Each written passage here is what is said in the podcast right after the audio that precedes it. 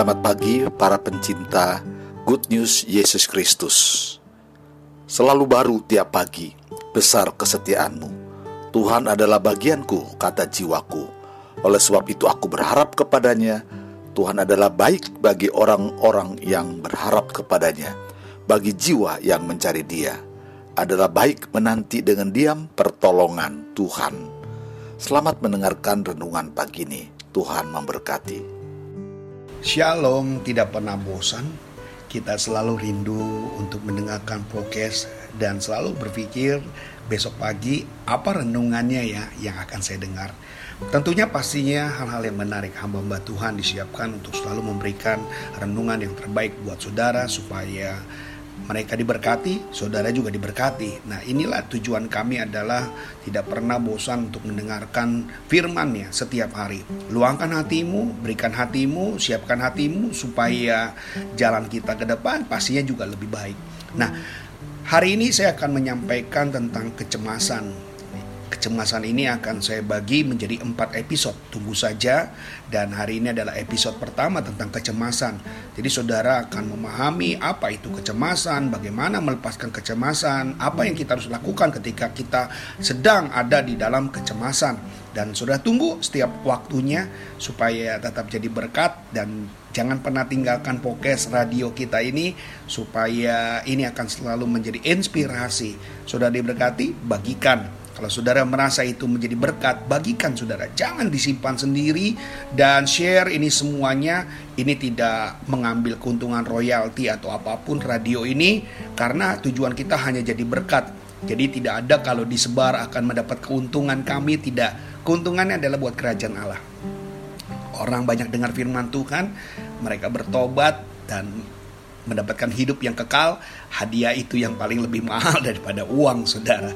Ya, mari kita buka langsung di dalam Lukas 12 ayat 22 demikianlah firman Tuhan. Yesus berkata kepada murid-muridnya, "Karena itu aku berkata kepadamu, janganlah khawatir akan hidupmu, akan apa yang hendak kamu makan, dan janganlah khawatir pula akan tubuhmu, akan apa yang hendak kamu pakai."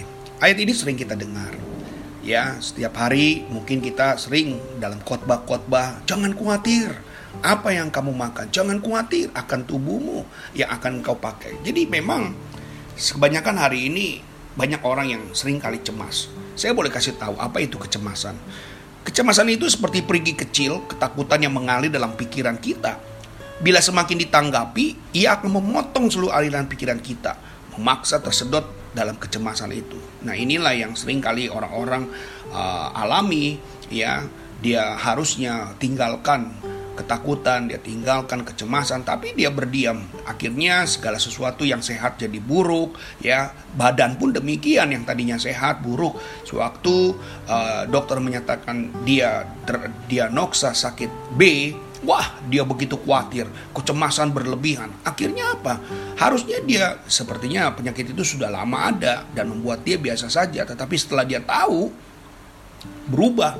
Pola pikirnya berubah, kecemasannya bertambah, dan sangat sensitif sekali. Dan itulah yang terjadi dalam diri kita. Peneliti Ohio State Universitas mengungkapkan bahwa tujuan perawatan terhadap rasa cemas hanyalah mengolahkan sebagian bagian dalam kehidupan kita sehari-hari. Jadi mengolah saja. Ini kan sudah terjadi. Apa sih untungnya? Apa sih yang menjadi lebihnya kalau kita terus cemas? Karena kekhawatiran itu tidak pernah menambah sehasta hidup kita, loh, saudara. Kita harus hanya mengolah Mengolah itu mengelola bagaimana itu tidak berlebihan, tidak jadi lebay, ya, tidak jadi suatu uh, apa meningkatnya emosi kita. Kadang-kadang kita seperti itu. Cemas, wah misalnya kompor belum dimatikan, cemas begitu, semua orang dimatikan, kenapa nggak kasih tahu, kenapa masak pada waktu mau pergi, kenapa begini, kenapa begini, biasa tenang saja, ya kita mengolah hati kita, mengelola pikiran kita, mengelola semuanya, ya termasuk kata-kata yang kita ucapkan supaya apa? Kadang-kadang cemas itu bukan dari siapa-siapa, dari kita sendiri. Pembicaraannya malah menakutkan, pembicaraannya begitu tegang sehingga orang-orang jadi ikut-ikutan cemas karena kita. Nah, Yesus memberikan solusi sebenarnya membebaskan kita. Berulang kali dia katakan jangan khawatir, jangan khawatir, jangan khawatir. Bahkan Ada banyak 365 kata khawatir. Jangan khawatir itu Tuhan sampaikan kepada kita semuanya. Artinya tidak boleh ada satu hari pun lepas dari kekhawatiran. Kenapa kita masih khawatir? Kenapa kita masih cemas? Kenapa kita masih takut? Ya tadi saya katakan, mereka tidak mampu mengelola hatinya dan dia merasa Tuhan juga tidak bukan siapa-siapa. Nah ini yang repotnya. Kita tidak menganggap Tuhan siapa-siapa sehingga khawatir itu jalan terus. Nah kata khawatir yang cemas ini dalam bahasa Yunani artinya merino, ya merimnao, ya yang artinya sesuatu yang sangat penting memonopoli seluruh isi hati dalam pikiran seseorang. Jadi dia akan memonopoli, memberikan rasa takut, cemas dan akhirnya kita galau. Yesus menjelaskan bahwa kecemasan muncul karena gagal memahami prioritas ilahi dalam hidupnya tadi. Dia lupa bahwa Tuhan itu lebih berkuasa atas segala-galanya. Siapa yang menjagai kamu sebelumnya, jauh sebelumnya. Dan itulah yang repotnya adalah manusia pada waktu teorinya pinter tapi pada waktu prakteknya gagal bahkan lemah sekali. Sehingga kita tidak banyak uh, yang berhasil tetapi banyak sekali yang gugur. Yesus memerintahkan kita untuk tidak khawatir. Tadi kalau kita sudah baca di dalam Lukas 12 ayat 22 ya Yesus meminta kita jangan khawatir. Dia bilang apa? Aku yang berkata kepadamu. Bayangkan sampai Tuhan bilang seperti itu. Makanan minuman pakaian semuanya. Nah mari supaya kita tidak termonopoli pikiran kita akan uang ataupun kekayaan. Kita perlu memahami hal yang paling mendasar, yaitu tentang Allah dalam kehidupan kita. 1 Petrus 5 ayat 7 bilang begini, Allah memelihara dan memenuhi segala yang kita perlukan. Kita hanya perlu memutuskan kepada siapa kita berlindung. Kita hanya perlu memutuskan kepada siapa kita percayakan pemeliharaan hidup kita itu. Kadang manusia teori sama prakteknya tadi saya sudah bilang uh, tidak sama. Ya mereka bilang bisa di dalam gereja, tapi ketika di luar gereja nothing to do. Ya, uh, kadang kita nggak boleh omdo ataupun nato. Nah kita dapat melakukan tugas kita dalam posisi yang saat ini sangat membutuhkan dan mempercayai Tuhan. Itu adalah kunci saudara. Kecemasan akan hilang apabila kita taruh kuncinya, yaitu Yesus. Makanya hidup ini berat, tetapi ketika kita tambahkan K di tengah yaitu Kristus, maka yang jadi bukan berat tapi berkat. Coba sudah ingat baik-baik ya. Kata berat itu dalam hidup kita kita ketika kita tidak undang Yesus di tengah-tengahnya. Tapi kalau kita undang Kristus di tengah-tengahnya, kata berat itu berganti menjadi berkat. Tuhan memberikan kita tujuan, Tuhan memberikan kita rencana. Kita diciptakan untuk kemuliaannya, melayani tujuannya, menghormati dia, menyembah dia, mewartakan dia, menghidupi dia. Ya dengan kehidupan yang ada dalam diri kita, bahkan kuasanya pun diserahkan kepada saudara. Tuhan pasti menopang kita. Dia gak pernah lalai dalam menggenapi janjinya. Yang terlalu banyak adalah kita yang lalai. Tuhan tidak pernah lalai.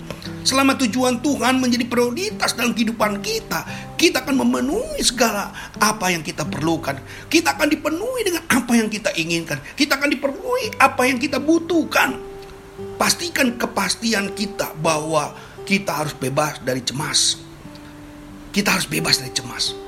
Saudara-saudara, jangan memalukan iman yang selama ini kau pelihara, tapi ternyata engkau tidak sama dengan apa yang kau katakan. Jangan pernah cemas, tetap percaya, berharap sama Tuhan, supaya kecemasan ini akan berlalu dalam hidupmu. Saya sebagai hamba Tuhan bangga ketika saudara bisa lepas dari kecemasan, karena dengan menunjukkan saudara bebas atau menang dalam kecemasan, karena saudara telah menunjukkan bahwa saudara adalah the champion, saudara adalah pemenang. Jangan pernah bosan, dengarkan kecemasan ini. Dan kasih kepada orang yang sering cemas, yang sering kali khawatir, kasih ayat ini. Kasih podcast ini, supaya mereka berubah.